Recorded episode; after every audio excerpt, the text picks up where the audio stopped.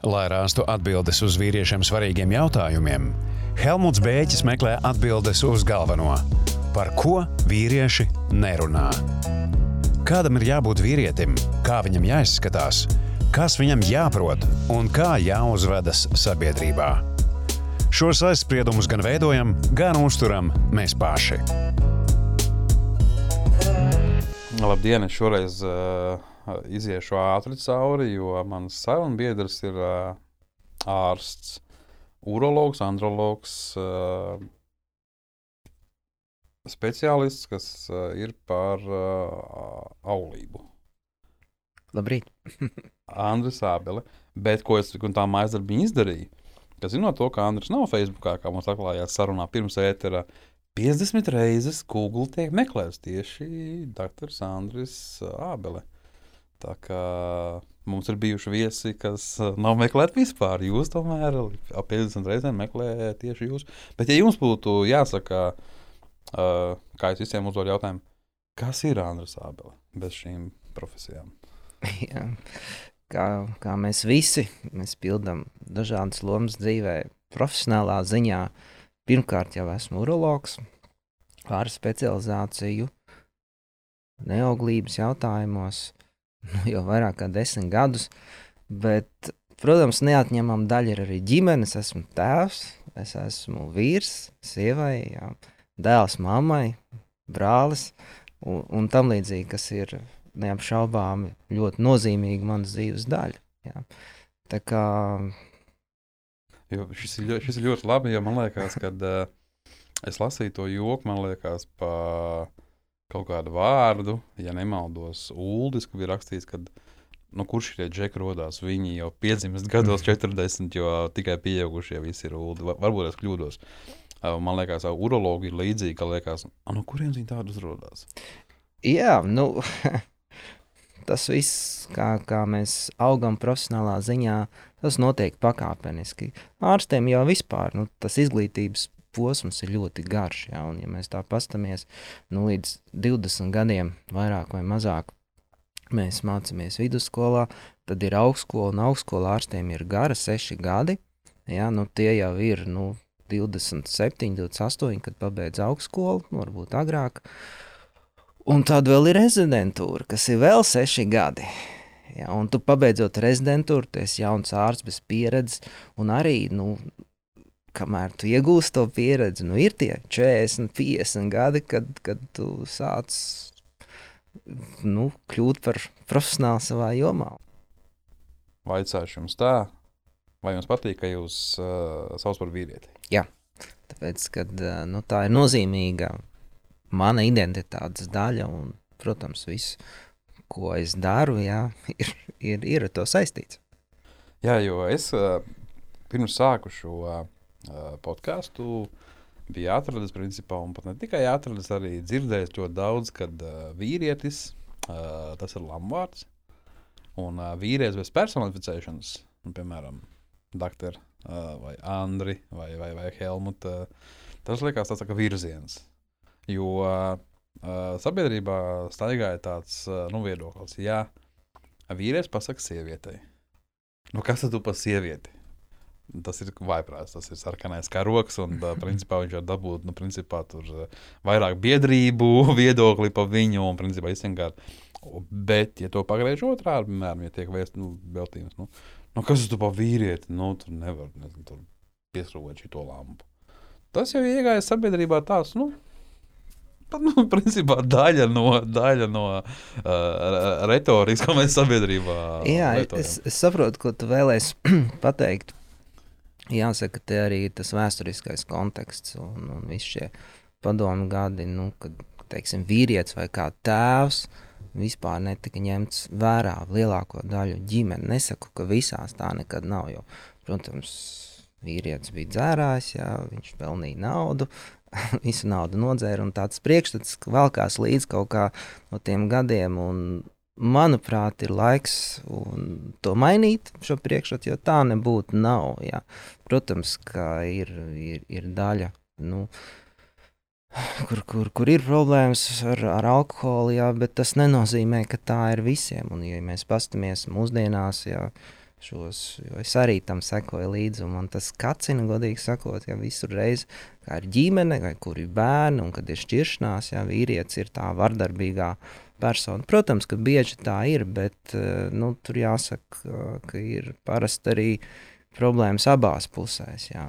Nu, tā kā, nu, jā, vīriešu tēls ir paplicināts, un tam ir bijis pamats, bet tas nenozīmē automātiski, ka tas zīmogs ir jāuzliek pilnīgi visiem jā, sabiedrības, jo ir arī ļoti labi piemēri, un man žēl, ka tie netiek izcelti, jo kas tad presē Tas ir neinteresanti, tieši jā, tā, kur, kur, kur visiem ir, vajag skandālu. Jā, jā. Kur ir, kur ir troksnis? Uh, Ar jums ir vēl tā, ka es esmu runājis arī ar viesiem. Nu, kāda ir situācija Latvijā? Uh, veselības mācību mums skolā īsti nav. Ne, ne pat īsti, viņa kā, viņa kā atsevišķa priekšmets nav. Un uh, tad, principā, ir tas, man liekas, vēl joprojām, kad viena daļa pēc 9. klases izdomā, ka viņi pietiek, pietiekami, saka, uh, atsēdējuši un, un, un iet strādā, kurš veiksmīgi, kurš mazāk veiksmīgi. Tad ir varbūt tā otra daļa, kas uh, 12. beidz un, un, un ir tālāk. Bet tajā pašā laikā tā pēc skolas tā sasaiste viņam ar veselību arī īsti jau kaut kur iztrūks. Jo skolā ir nu, māsīņa, ir kaut kādas pārbaudes. Un, ja mēs runājam par pa jūsu saka, specialitāti, piemēram, auglību, tad arī sanāk tā, ka uh, ir uh, ļoti liels X faktors līdz tam 16 gadniekam. Kas ar viņu ir? Vai jau viņš nav paspējis kaut ko sačakarēt saistībā ar savu alkoholu, vai to tā nevar sačakarēt? Ļoti tāda plaša tēma, tu paņēmi. Tu vari viņu, kā saka, da, da, dalīt un griezt kā vajag, jo man liekas, ka tas būs interesanti tieši mūsu klausītājiem, jo par to pašu, ko mēs runājām, pa, ka ir tomēr šīs šķirtās ģimenes vairāk. Ir ģimenes, kas, kur tikai mammas audzina savus bērnus, tad uh, es domāju, ka šīs varētu būt viņām, uh, nu, Arī interesanti. Ka... Nu, mums bija jāskatās, jāsaprot tas uh, kopējais konteksts. Un Latvija ir daļa no pasaules, un procesi, kas notiek mūsu reģionā, ir ļoti saistīti ar, ar, ar pasauli. Tāpat kā Covid, mēs nevaram izolēt Latviju no pārējās pasaules. Mums jāskatās, kas notiek mūsu reģionā, tad arī vairāk sapratīsim, kas, notiks, kas notiek pie mums Latvijā. Tad ar, ar auglību vispār pasaulē ir tā, ka tas iet uz slikto pusi. Diemžēl nav iepriecinošas ziņas, un tas nav tikai Latvijā, tas ir globāli. Sevišķi attīstītajās valstīs, kur teiksim, tie dati tiek smuki uzskaitīti un var parādīt, kā katru gadu maz drusciņi, bet šies, šis auglības potenciāls vīriešiem krītās. Un tam ir daudz dažādu iemeslu, sākot no apkārtējās vides piesārņojuma, to, ko mēs ēdam, pārtikas kvalitāti, cik daudz esam fiziski aktīvi. Ja? Iedzimtības jautājumi, ja, kas nododas no paudzes paudzē, tas viss to iespaido. Un atbild uz tavu jautājumu, vai ir kaut kas, kas ietekmē teiksim, pusauģus pirms pubertātes, viennozīmīgi ir. Ja? Tas ir tas uh, iedzimtība, ko mēs kā vecāki nododam saviem bērniem, ja? šo gēnu kompleksu, kurā iespējams jau ir kaut kādas mutācijas, un te ir ļoti liela ietekme. Piemēram, vec, vecāku vecumam, kurā tiek ieņemts bērniņš, tā skaitā arī vīriešiem. Ja? Un tālāk šim svarīgam dzīves posmam, kamēr bērniņš vēl ir māmas pu puncī. Tad, tad tās pirmās nedēļas, kad mamma varbūt pat vēl nezina, ka viņa ir stāvoklī, ir ārkārtīgi būtiskas tieši reproduktīvā sistēmai, jo tad notiek šī nu, pamatu ielikšana visai turpmākajai dzīvei. Tad ir dažas šūnas, un ja šajā brīdī kaut kas ar šīm šūnām notiek, ne tā, tad tas bū, būs ļoti liela ietekme uz visu atlikušo dzīvi. Ja? Tā kā, nu, tad, tad mātes veselībai un dzīvesveidam šajās pirmajās grūtniecības nedēļās. Un, protams, pēc tam piedzimstot, jā, ir, ir tas, kā, kā bērniņš dzīvo, kā viņš attīstās, ar kādām slimībām viņš slimo. Jā, dažādas tās cūciņas bija labāk izslimot uh, mazām labi jā. nekā, nekā vēlāk. Jā. Jā, jā, tāpēc, kad sekundāri cūciņas var izraisīt uh, iekaisumu sēkliniekos, starp citu, Covid tāpat var izraisīt iekaisumu sēkliniekos. Tā kā nu, šī ietekme arī tiks vēl pētīta.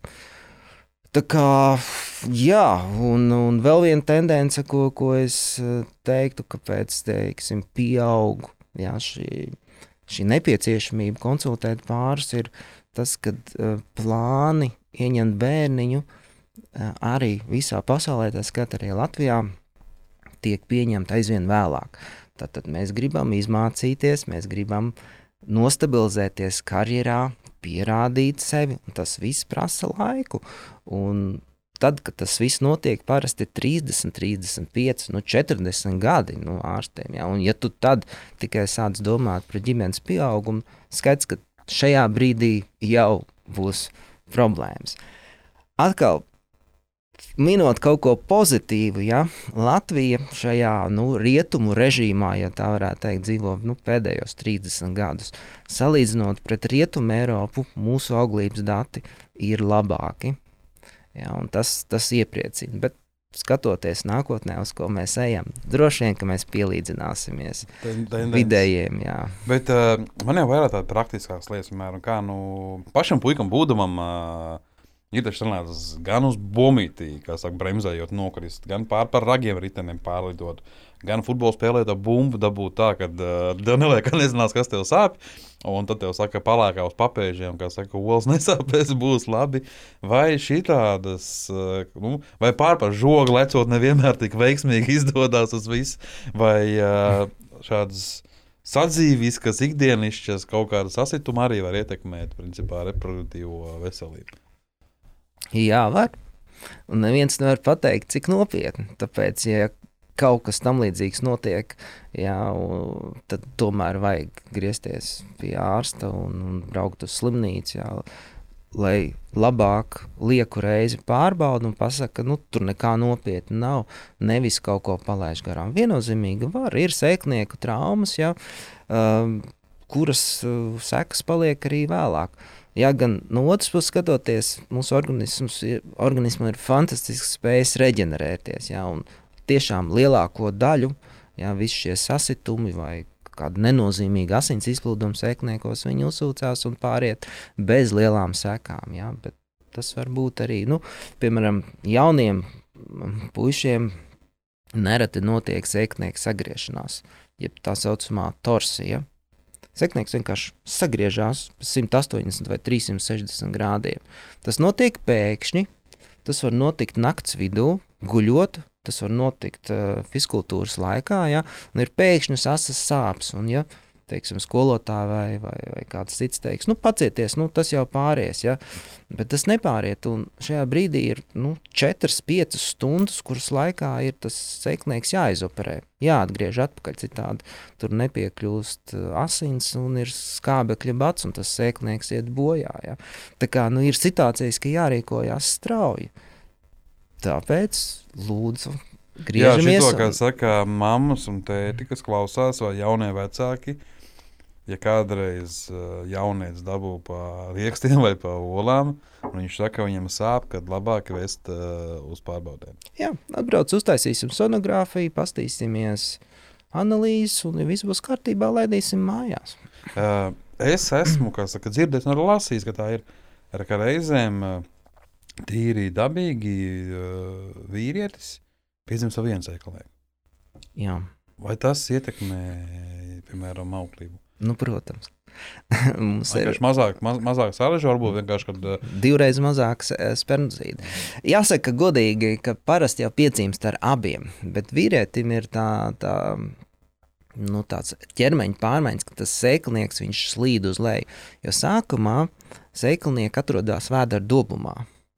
Un tad procesa laikā sēklinieki caur inguināliem kanāliem noslīd, ja tā var teikt, sēklinieka maisiņā. Bet nevienmēr šis process notiek līdz galam. Tas sēklinieks var palikt vēdera domā, var palikt cirkšņa kanālā, un tad bērniņš piedzimst, skatās, hop, viens sēklinieks. Un šajos brīdļos ir jāmeklē, kur tas otrais sēklinieks ir palicis. Ļoti retos gadījumos ir tā, ka viņš tiešām nav attīstījies. Jā, šī ir anarhija saucamā. Jā. Bet visbiežāk ir tā, ka tas sēklinieks nav līdz galam noslīdējis, un to sauc par kriptorhismu. Un atkal vērš uzmanību, ka šajos gadījumos jā, ir steidzami jāgriežās pie ārsta. Nu, parasti mūsdienās piedzimstot to pārbaudi, jo sēklniekiem jābūt noslīdējušiem sešu mēnešu vecumā pēc piedzimšanas. Ja tas nav noticis, pirmais uzdevums ir meklēt, kur viņš ir palicis, jo, ja viņš ir cirkšņa kanālā, vēl ir iespējams uztaisīt operāciju un to sēklnieku novilkt uz leju. Un tad vēlākos dzīves gados jā, būs maza ietekme uz auglību. Savukārt, ja to nokavē un paiet divi, trīs gadi un secina, kad sēklinieki vai abi ir kaut kur palikuši cirkšņa kanālos, ja, pēc tam jau šīs sekas ir nozīmīgas, un to es redzu arī savā ikdienas praksē. Nu, ne tikai ar 20 gados, uh, tomēr uh, cilvēks. Nu, es domāju, ka nu, es, saka, zēns jau zina, ka viņam ir kaut kas savādāk. Viņš kautrējās. Zēns, viņš, viņš, protams, viņš kautrējās. Viņš par to nestāstīs. Ļoti... A, viņš var kaut ko darīt 20 gados. Principā, ja jau viņš ir palicis tur, vienmēr var kaut ko darīt. Jā, un šajā ziņā es gribu iedrošināt, ja arī 30 gados vai vēlākos gados nav šis sēklinieks. Vienmēr var darīt un risināt, jo otrs tiešām grib pabiedēt maz drusciņā. Ja šis sēklinieks netiek laicīgi atrasts, viņš atrodas vēdera domā, pieaug onkoloģijas risks un bieži vien ir audzēji šajos sēklinieks. Viņš tāpat ir jāoperē ārā. Kā, jebkurā gadījumā griežamies pie speciālistiem un risinām to. Vienmēr var kaut ko darīt. Jautājums ir, cik daudz mēs varēsim palīdzēt. Jā, šis man liekas, jo šī tādi, man, manuprāt, jau kāds saka, klasiski, klasiski svarīgi jautājumi par to kautrēšanos un nākamais. Bet kā jums ir uh, jūsu novērojumi? Nu, piemēram, uh, man liekas, ka ir trīs ārsti. Viens ir uh, abiem dzimumiem, kur mēs ejam. Ret, tas ir zobārsts. nu, principā, kad jāiet pie zobārsta, tas arī stigmu, stigmu kā saka, uh, veidā ir ier, ievests, ka viss ir slikti. Atbrauc uh, drošā sētā vai kaut kāda liela, liela mašīna ar kaimiņam aparātu un tā tālāk. Bet nu, mēs zinām, ka viss ir gājis uz priekšu. Uh, sievietēm šis ir ginekologs. Un tad vīriešiem ārsts, pie ko vismazāk iet, ir uh, urologs. Nu, kā, varbūt nevis mazāk iet, bet no kā ir tās bailes. Jo tur arī tā, ka liekas, visi jau zina, kas tur ir. Pat tie, kas nav bijuši, un tie, kas nav bijuši, zina vairāk. Bet Kas varbūt sanāk, ja atejot no jūs pamatā esat urologs, kas tad notiek tajā urologa kabinetā, ka vīrietis pirmo reizi atnāk piemēram, pie jums? Pirmkārt, tā ir saruna. Saruna par to, kā ir gājis, kādas ir problēmas ar veselību bijis, ja? vai ir kaut kas, kas traucē pilnvērtīgi dzīvot, baudīt ja, dzīvi, seksuālā jautājumā arī jā, ļoti intīmi jautājumi, kur bieži vien netiek izrunāti. Ja? Un nav jau tā, ka urologs metās virsū uzreiz, jā, tur liek izģērbties un, un tam līdzīgi nav.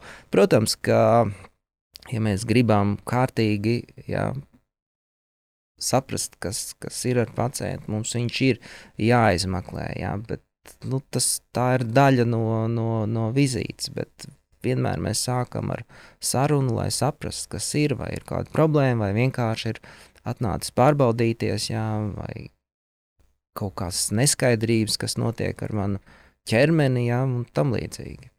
Uh, es tikai minu, šis ir tiešām mans minējums, ka, nu, piemēram, uh, Ejot, piemēram, pie ķirurga, cilvēkam viss ir skaidrs, nu, kaut kas būs jāšu, jāgriež, nu, vai, piemēram, ķirurgam jādara savs darbs.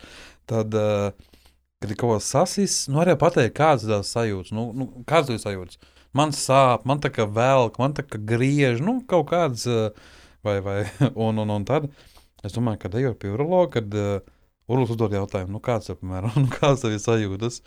Grūti jau ir noraksturot, jo tie vārdi, principā par to uroģenitālo, principā par to apjomu, ka viss tas ir diksēs. Tādu sajūtu līmenī jau mums tur, nu, nu. Nē, nu kā urologs jau uzdod mērķēts jautājums, jau, nu, jau ir skaidrs, uz, uz ko, kas mums interesē, tad to mēs arī uzdodam, lai saprastu, nu, to, vai ir kaut kāda ietekme uz dzīves. Nu, piemēram, vai naktīs jāceļās uz to lietu, jāiet čurāt. Ja? Ir ļoti dažādi. Ja? Cits ceļās vienu reizi, un viņam tā ir nenormāla problēma, jo viņš pēc tam nevar aizmigt. Viņš nav izgulējies, nevar pastrādāt. Cits ceļās divas, trīs reizes, ja? un viņš tā ir darījis. Visu, nu, viņam vispār tā nav problēma. Tā kā, nu, tas ir tas, ko mēs cenšamies saprast sarunas laikā. Ja? Jo ir tāds praktisks dabas jautājums, atkal es zinu, ka pašam, piemēram, bija nu, bērnībā. Nu, ja pret vēju, kā saka, nevar pret vēju, kad apčurā sevi, bet ka ziemā pačurā, tad nav forši pēc tam kādu laiku, zin, kā čurāt. Un tad, kā, piemēram, kad, kad, kad cilvēki pieaug, kā ir to sanāk, ja ir uh, sāpes čurājot? Cik Tā. ilgi, cik ilgi jāciešās? Nav jāciešās. jāiet? Nu, nav jāciešās. Nu, mēs dzīvojam tādā laikmetā, kad nav jāciešās. Nu, nav mums kara apstākļi, jau, kad, kad mēs griežamies pie ārsta tikai tad, kad viss jau ir galīgi slikti. Nu, absolūti nav jāciešās. Jautājums tikai ir tāds, nu, pie kura ārsta mēs ejam. Jo, um, Urologs ir savā būtībā šaurs speciālists. Jā. Viņš pārzina to savu jomu, jā, bet ļoti dziļi un pamatīgi. Jā. Tomēr tā sistēma visā pasaulē, arī Latvijā, būtu tāda, ka tas pirmais ārsts, pie kā tu griezies, ir tas ģimenes ārsts. Es zinu, ka tā ir liela problēma Latvijā ar pieejamību, ar attieksmi no ģimenes ārstiem. Jā, nu, var saprast, tev ir vairāk tūkstoši pacienti tavā aprūpē, nu, tu nevari veltīt. Jā. Un tad, teiksim, tiek meklēta tāda tieša pieeja, bet jāciešās nav. Ir jāmeklē speciālists, ideālā gadījumā tas ir ģimenes ārsts. Ja nē, tad mēs ejam pie urologa un risinām tos jautājumus. Jā, šis man liekas, ir daļa ja arī no atbildes, kad nu, kā, nu, ģimenes ārsts, nu, kā tā es tagad tai, nezinu, tai tantei vai onkulim, nu, es, es, es, es ielieku vienkārši tādu zēna kurpēs, ko mamma aiziet pie ģimenes ārsta, nu jau pašam viņam piemēram tur gadi, tur, nezinu, 25, un tas ārsts gan jau tāpat arī vēl strādā, nu, tagad viņam ir uh, tik sadzīvis, ka lieta jāsaka, nu, es tur zinu, kā nevaru pačurāt. O, jo es uz šo varbūt uh, gribu arī. Uh, ir ļoti daudz, un mēs redzam, ka uh, tiek reklamēti visādi superlīdzekļi. Nu, tur. ja tev naktī jāčurā, nopērc šito, nebūs jāčurā. Ja tev, uh, nezinu, tur, nu, vēl dāmas pieiet klāt uh, čalim, ja tev kaut ko zina, kā nesanāk, nopērc šo līdzekli. Kā ir uh, vot tā speciālistu viedoklis? Var tā uzreiz, kas saka? Ir viens labs, laba lieta, ko visas šīs reklāmas izdara. Viņa aktualizē problēmu, ka šī problēma pastāv un ka varbūt tas, kas redz to, saprot, ka es neesmu vienīgais, kam tas ir. Bet es aicinu būt ļoti kritiskiem pret to, ko tiešām tās reklāmas pasaka. Jo, ja tā godīgi, ja mēs ticētu tiešām visam, kas ir rakstīts, ko, piemēram, ārstē uztur bagātinātāji, tad jau mums nevajadzētu zāles, nevajadzētu slimnīcas, nevajadzētu ārstu. Tad, tad dzeram visus uztur bagātinātājus, tas ārstē to, pārstē visu, jā. Bet, nu, tā jau nav. Nu, Realtātē, diemžēl, ir, ir, ir mazliet savādāk, un ir jāsaprot, ka reklāmas galvenā būtība ir pārdot produktu un iegūt peļņu. Jā, būsim kritiski pret, pret to, ko mums Par to, kas ir iekšā, man kaut kā nāk uzreiz prātā, ka tā anekdote, viņa mazliet, tur- mazliet varbūt vienu rupju vārdu, bet ne tik ļoti rupju, kad uh, cilvēks nopērk uh, veikalā piena paku, aiziet mājās, niekšā kefīrs, un viņš tagad nes pārdevējiem atpakaļ, viņš saka, ko tu man pārdevi? Viņš saka, rakstīts piens, iekšā kefīrs, un pārdevējs atbild, zini kā, man uz malkšķi un rakstīts sūds. Iekšā malka. Tā kā varbūt vienmēr nevar ticēt tam, kas ir r- rakstīts. Sevišķi mūsu laikā. Sevišķi mums. Jo, manuprāt, kādreiz arī uz uzturbagātinātājiem jau nebija rakstīts tas, ka uh, uzturbagātinātājs neaizstāja pilnvērtīgu uzturu un tā tālāk. To jau principā panāca ar laiku, kad bija aizgājis tādā vaiprātā, ka tiešām gribēja ar pulveriem un paēst. teiksim, tā ir tik nodrāsta frāze, ka neviens to vairs nelasa. Tāpat kā uzraksts uz, uz cigarešu paciņām, ka tas nogalina. Nu, tas vienkārši tiek uztverts kā daļa no iepakojuma, bet neviens jau tajā vairs neiedziļinās. Jā, kā tagad eh, ejam atkal jūs tajā lauciņā. Kā arī jūs varbūt novērojami, vai eh, šim auglībai kaut kāda saistība piemēram, ar cilvēku situētību, vai, vai, vai cilvēku vēršas pēc palīdzību atšķirībā no situētības, izglītības, vai tur tomēr ir visu veidu cilvēki, kas vēršas pie speciālista un grib uzdot jums jautājumus, kā kaut ko uzlabot? Jā, jāsaka, ka ļoti labs jautājums.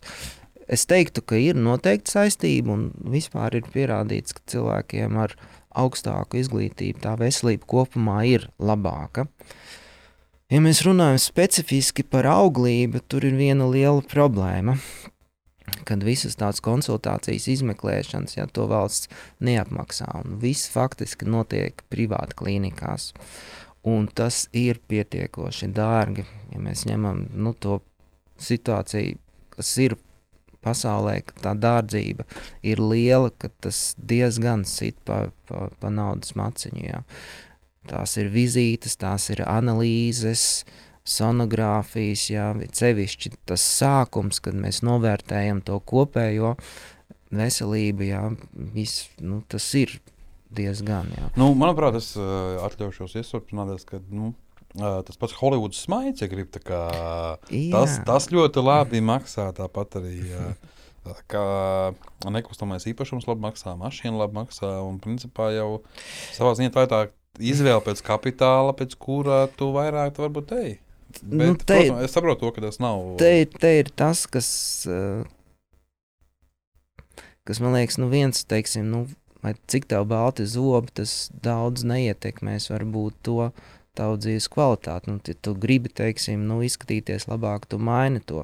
Bet kļūt par tēti vai par vecāku kādam, nu, tā ir tāda, nu, es gribētu teikt, ka cilvēku, nu, pamattiesības, ja, būt uz to un iet uz to. Cits jautājums, ja, ka, teiksim, ja tu esi nodarījis pāri savai veselībai, ja, tur smēķējot, neveselīgi dzīvojot, jau novedis sevi pie kaut kāda veida auglības problēmām.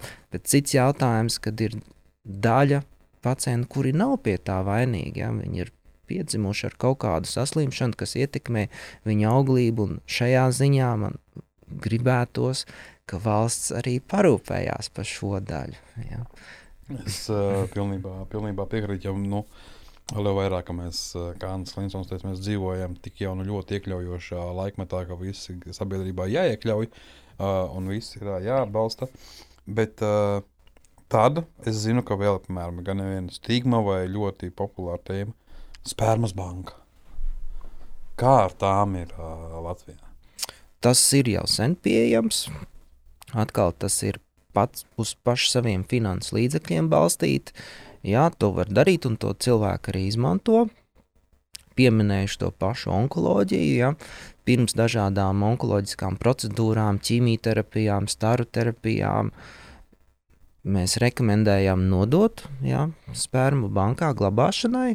Ja, ja tas būs nepieciešams, tad to izmantot arī vēlāk. Nu, burtiski šajā gadā esam sākuši projektu ar bērnu slimnīcu. Arī bērniem, diemžēl, ir onkoloģiskas saslimšanas. Un, piemēram, ja šajā vecumā tiek sākta ķīmijterapija, tad tam bieži vien ir neatgriezeniskas sekas ja, uz visu atlikušo dzīvi. Bet bez ķīmijterapijas nevar. Ja. Tad, kaut... Šis ir godīgi mans nākamais jautājums. Man ļoti labi, ka jūs. Uh, un, un šajā gadījumā pat pusauģiem ir iespējams nodot uh, spermu glabāšanai bankā, ko viņi pēc tam varēs izmantot, kad jau viņi izaugs lieli un uh, dibinās savas ģimenes. Un šo uh, ir, ir projekts sākt ar šo bērnu fondu, Bērnu Kliniskajā universitātes slimnīcā. Un, vismaz šai daļai pacientu to, to apmaksās bērnu fonds, kas ir ļoti laba ziņa.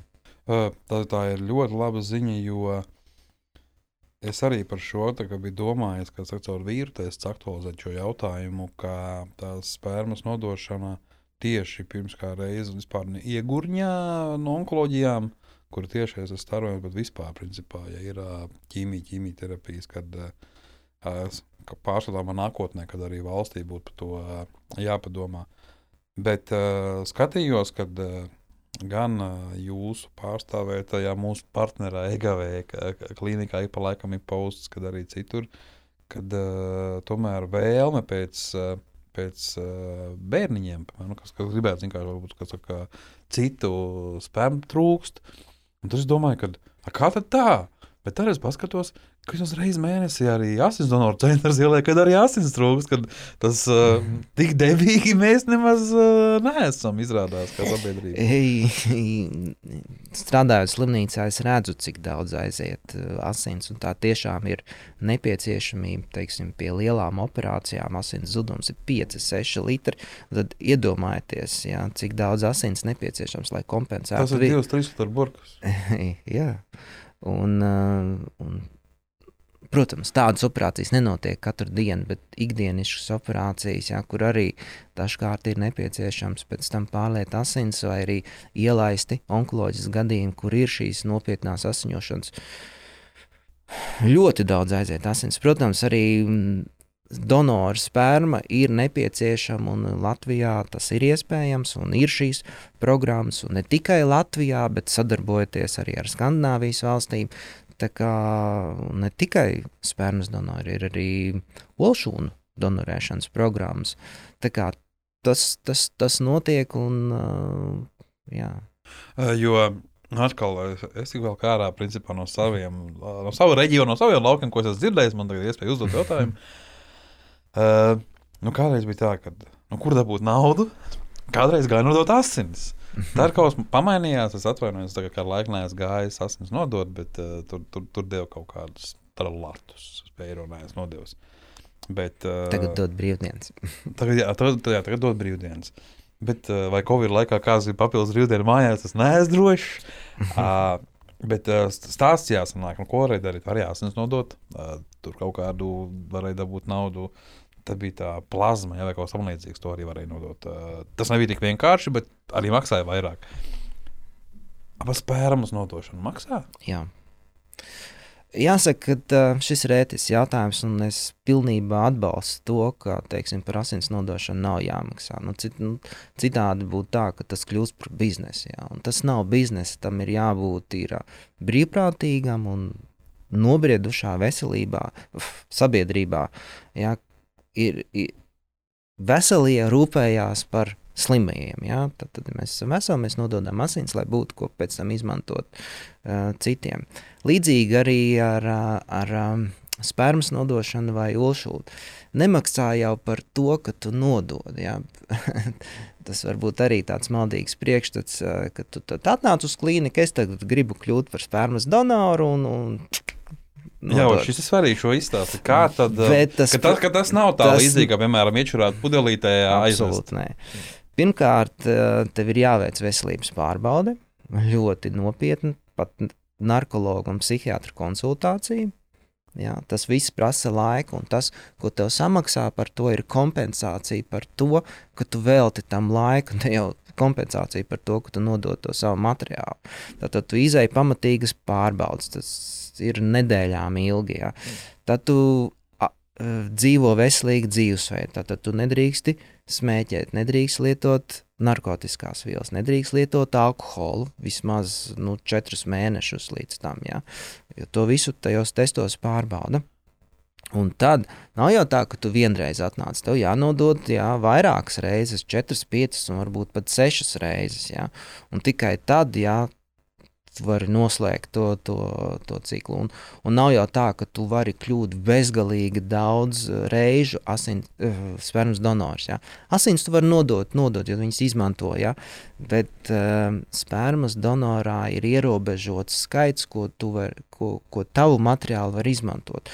Nevar būt tā, ka uh, bezgalīgi daudz bērnu no tava materiāla tiek radīti. Vesels ciemats. Jā, ir, brālīši. ir atsevišķi, ja, nezinu, precīzi skaitu, nu, trīs vai četri, varbūt maksimums pieci, ja, ko tavu materiālu izmanto, un pēc tam viss viņš tiek iznīcināts. Ja.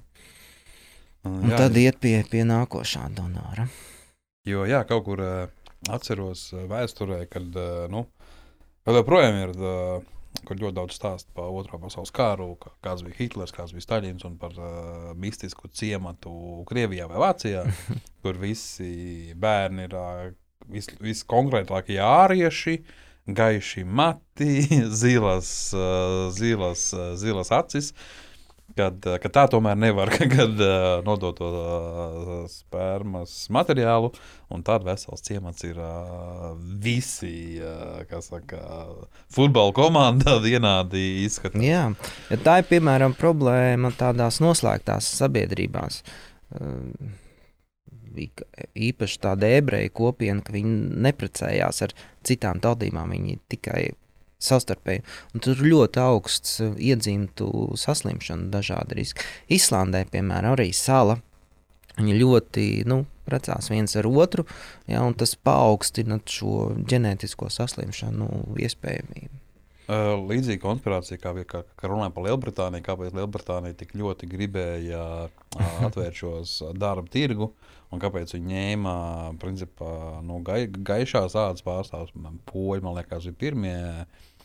Jo arī šis uh, ģenētiskais materiāls jau šo, šo ento gadu laikā bija tā, ka uh, brālis prec māsu. Kad, bet, bet tā arī ir, kad atkāpēji, ka lai arī mums dotajā brīdī cilvēki ar invaliditātēm tiek integrēti sabiedrībā, un mēs redzam, ka viņu ir, tad uh, Lielbritānijā šie cilvēki ir daudz vairāk. Un tad, tad pieliekot klāt šo stāstu, tiešām sāc domāt, varbūt tiešām šis ir kā, nu, iedzimts. Uh, nu, Dēļ, dēļ šo... Es domāju, ka arī mums ir pietiekoši daudz invalīdu. Mēs viņus vienkārši neredzam, jo viņi ir iesprostot mājās. Tas ir tāpēc, ka nav sakārtota vide.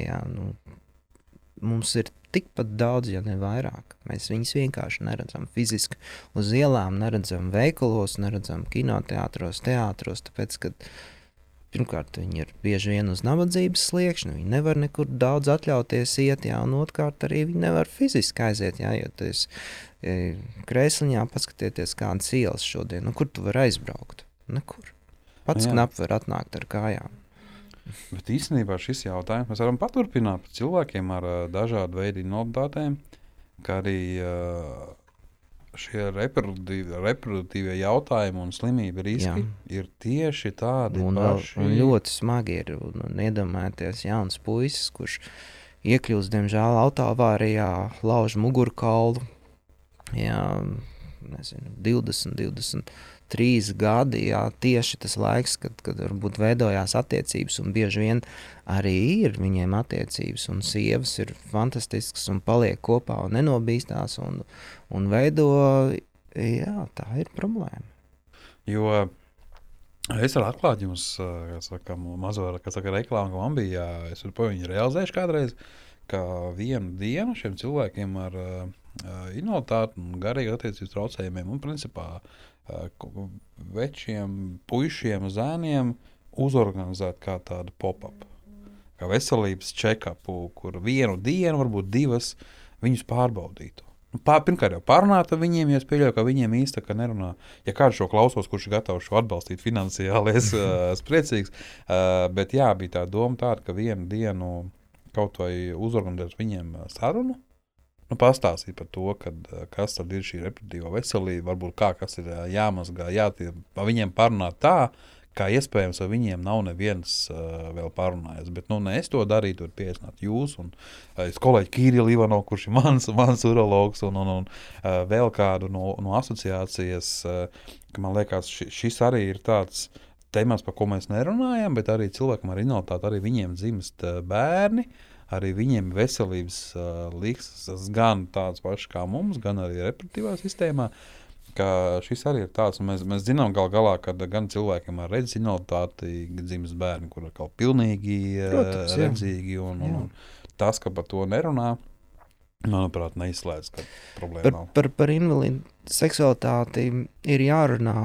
Šī tēma, godīgi sakot, ir atstāta mazliet novārtā. Uh, varbūt ne tikai no sabiedrības, arī no mediķa puses, godīgi sakot. Jo, um, jā, jauniem vīriešiem, kuriem ir šie nu, spināli, spinālā trakta pārtraukumi, jā, kad viņi ir teiksim, um, zem jostas sviestas uh, ar traucētu jūtīgumu vai, vai ar kustības traucējumiem. Jā.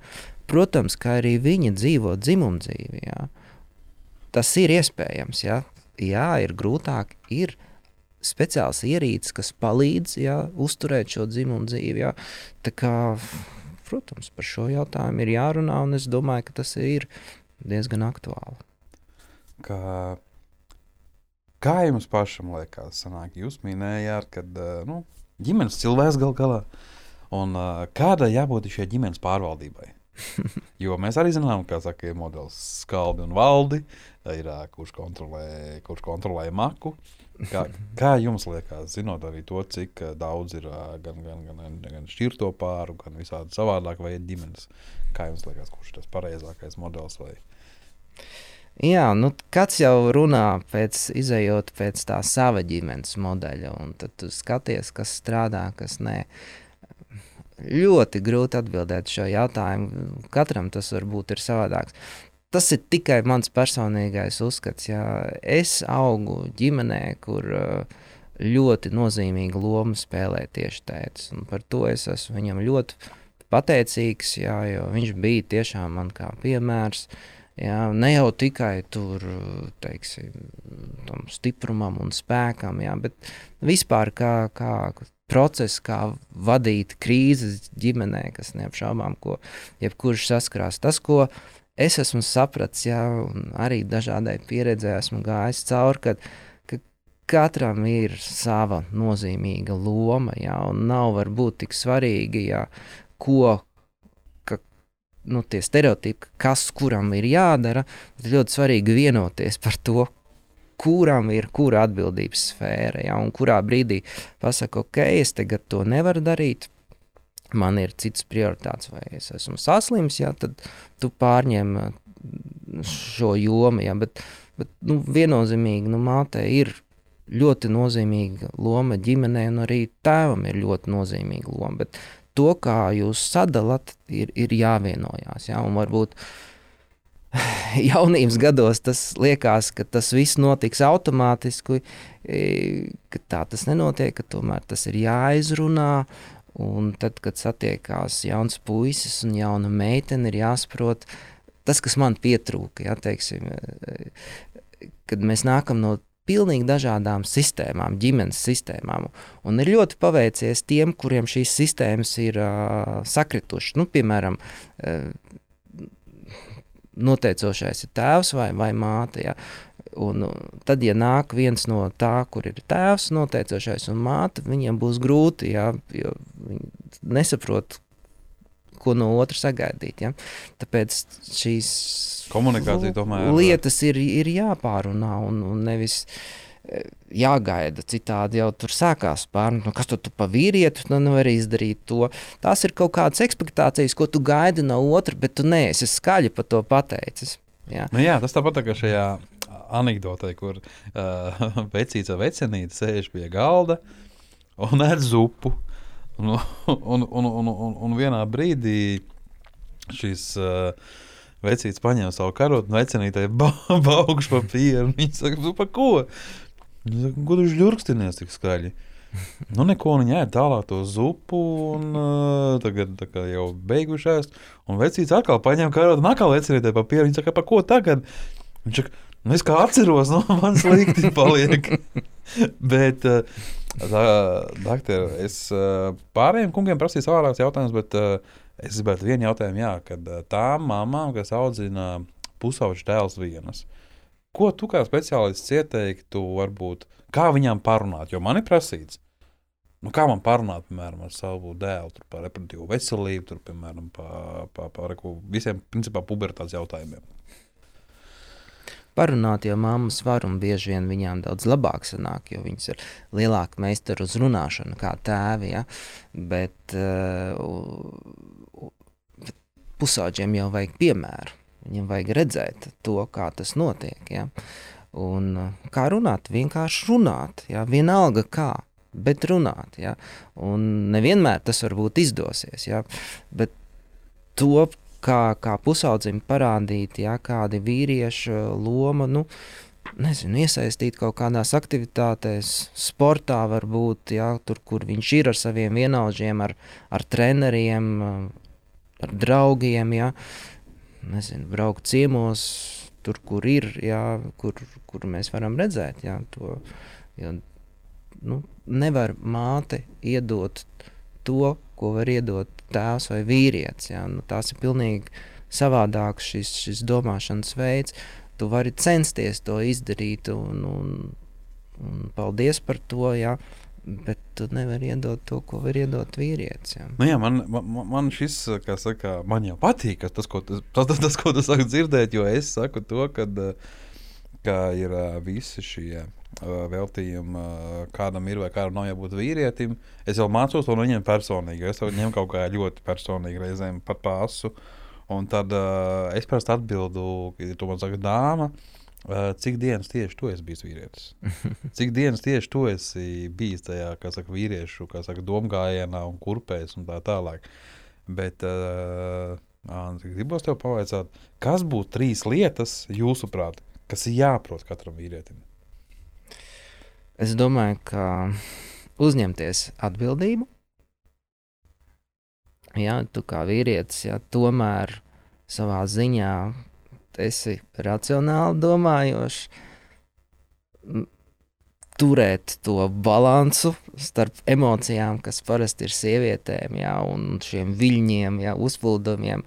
Tev ir jānotur jā, tas, tas viss tādā, un tā ir tāda, nu, kā saka, tā kuģa virziena vadīšana, jā, un, lai viņš iet stabili un lai ir kaut kāds mērķis, jā, kad tu ej un, un, un, un piepildi to savu mērķi. Nu, uh, otrs, protams, ka es domāju, ja mēs runājam par ģimenes kontekstu, ja, tad ir jābūt tomēr ir, uh, atbalstošam uh, ne tikai varbūt to klasisko finansiālo stāvokli, ja, nosakot, bet arī šo emocionālo.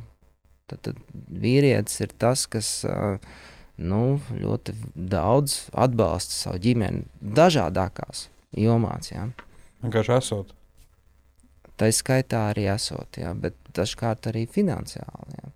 Ja tomēr nu, mums kaut kur ir jādzīvo, kaut kas ir jādara, ir, ir jābrauc jā, ir, nepieciešams transfers. Ir daudz dažādas lietas, praktiskas, jā, ko varbūt sievietei nevienmēr vajadzētu risināt. Sievietei ir citas, varbūt šīs, šīs lomas, jā, ko, ko darīt. Nu, jā.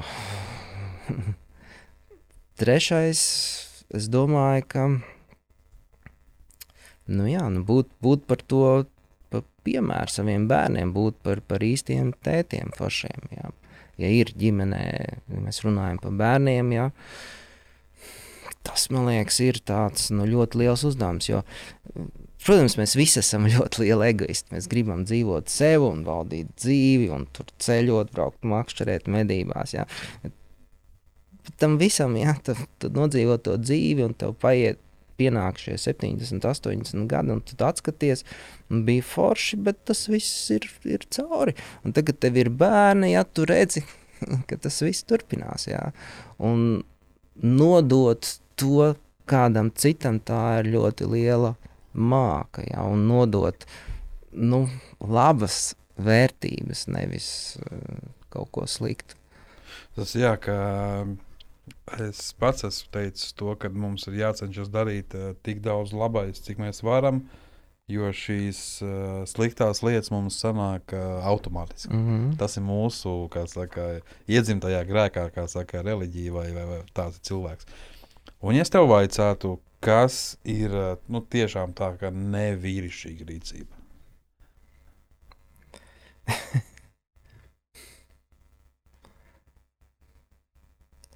Nu, manuprāt, um, pārmest otrai pusē kaut kādas lietas, ko tu pats varbūt nesaskati vai neesi izdarījis pats sevī. Nu, tās bieži vien ir attiecības. Jā, un mūsdienās ļoti populāri visu celt publiski. Jā. Es uzrakstu Twitterī, jā, cik kāds tu esi maita, jā, ko tu neesi izdarījis to un to. Bet bieži vien pamatā jau tā, tā sakne ir tevī pašām. Tad, tad nepārmet to otram, ko tu pats īsti vēl neesi izdarījis pats. Jā. Sevī sagramojis. Un tas ir ne jau tikai sagramojis, bet nu, vīrietis, jā, uz viņu var kliegt, uz viņu var bļaut, jā, bet tas nozīmē, ka vīrietim jādara tieši tas pats pretīm. Jā. Viņš viņam savā ziņā, nu, ok, labi. Koncerts beidzās, bet darām tā. un. Tagad nolaižamies un tomēr runājam lietas, jā, ok, es saprotu, tev nepatīk tas un tas, bet varbūt mēs varam atrast kopēju risinājumu. Tas man liekas, būtu tāds, tāds vīrišķīgs. Nevis tagad, es tagad bļaušu pretī divreiz skaļāk. Protams, ka mums viens otram ir ko pārmest. Jā. Visi mēs esam tikai cilvēki ar savām vājībām, ar savām rūpēm, saviem netikumiem. Tad visi mēs tādi esam. Jā. Tas nenozīmē, ka tev visu laiku jābaksta otram acī, jā, kāpēc tu esi tāds. Nu, es esmu tāds. Nu, jau mēs esam sagājuši kopā, tad tu esi pieņēmis mani ar visiem maniem trūkumiem. Jā. Un tagad tu pārmet man, kāpēc es esmu tāds. Jā. Nu, tas tā, man liekas, tā ļoti tas sievišķīgi un nav vīrišķīgi dabā turpināt to visu. uh, es godīgi jau no pirmās mūsu sarunas minēju, ka tev ir kaut kas līdzi. Ko es tev pavaicājis? Jā, es, es, es sagatavoju bišķi par, par to, jo bija runa, um, ka mēs par to auglību un par šīm vecuma izmaiņām. Un es tā priekš sevi sagatavoju, nu, kā, kā tad es iedalītu to, to vīriešu vecumu. Jā. Bet tas ir svarīgi. Jo es jau pieskāros tikai principā, pirmsskolai, eh, sākuma skolai un, un, un vidusskolai. Bet, uh... ir, tu, ko es sapratu, ir tādi trīs posmi jā, vīrietim. Bišķi atšķirīgs tās pieejas ir auglībai, tie ir vecums um, līdz 30 gadiem.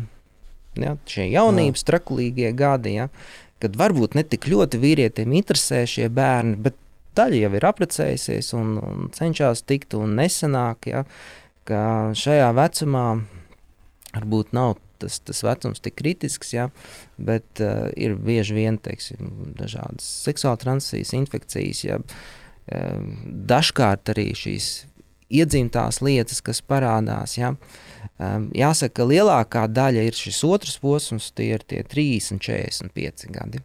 Šis ir tas vecums, jā, kad, kad visbiežāk mēs redzam vīriešus konsultācijām par, par neauglību. Un, um, trešais vecums ir 45. Plus. Un katrā no šiem posmiem ir bišķiņa atšķirīgs tas profils. Ja mēs skatāmies vispār uz, uz, uz veselību vīrietim, jā, kad tad ir tie labākie gadi? Tie ir 30, 35 gadi. Sievietei 20, 25. Tas ir labākais reproduktīvais vecums. Kad plānot bērniņus, mhm. mūsdienu tendence ir, ka šis vecums paaugstinās gan sievietēm, gan, gan vīriešiem. Eiropā vidēji sievietēm pirmais bērniņš dzimst tikai 29 gados. Ja? Un vīrieša vecums, kad viņš kļūst par tēti, ir pāri 30 gadiem. Ja? Pēc 35 gadiem vīrietim sākās neizbēgami novecošanās un um, auglības rādītāji visos parametros samazinās. Lai gan viņš ir auglīgs visu mūžu. Jā, tur sanāk, ka es esmu dzirdējis jā, par to, ka tā ir pasaules netaisnība. Kā tad tā, ka viens dzimums var, principā, kamēr vēl elpo, Tad otram dzimumam tomēr tur ir. Uh, nepiekritīšu, klimats. nepiekritīšu tam. Ir zināms vecums, kad, kad, kad, kad bērniņš var nākt pasaulē. Un tam ir ļoti liela nozīme, kāds ir tavs ķermenis. Ja? Un tā kā bērniņš attīstās mātes miesās, ja, ja, pēc 40 gadiem jā, šis organisms mainās ļoti, jā, un grūtniecība var būt pat atsevišķos gadījumos bīstama. Nu, nerunājot piemēram par 50, 60 gadiem. Jā. Tāpēc ir savā ziņā šī programma ielikta, un viņi ir fantastiski pareizi. Ja. Problēma ir mūsos. Mēs gribam šo programmu mainīt, kas ir nedabiski. Nu, nu, sievietei auglība pasliktinās dramatiski pēc 35 gadiem. Ja viņi krītās, nezinu, ja salīdzina ar, piemēram, sievieti 45 gados, viņas auglība ir samazinājusies par 90%, ja salīdzina pret 20 gadiem. Ja?